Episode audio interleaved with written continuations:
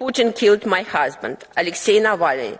On his orders, Alexei was tortured for three years. He was starved in a tiny stone cell, cut off from the outside world, and then they killed him. Even after that, they abused his body and abused his mother.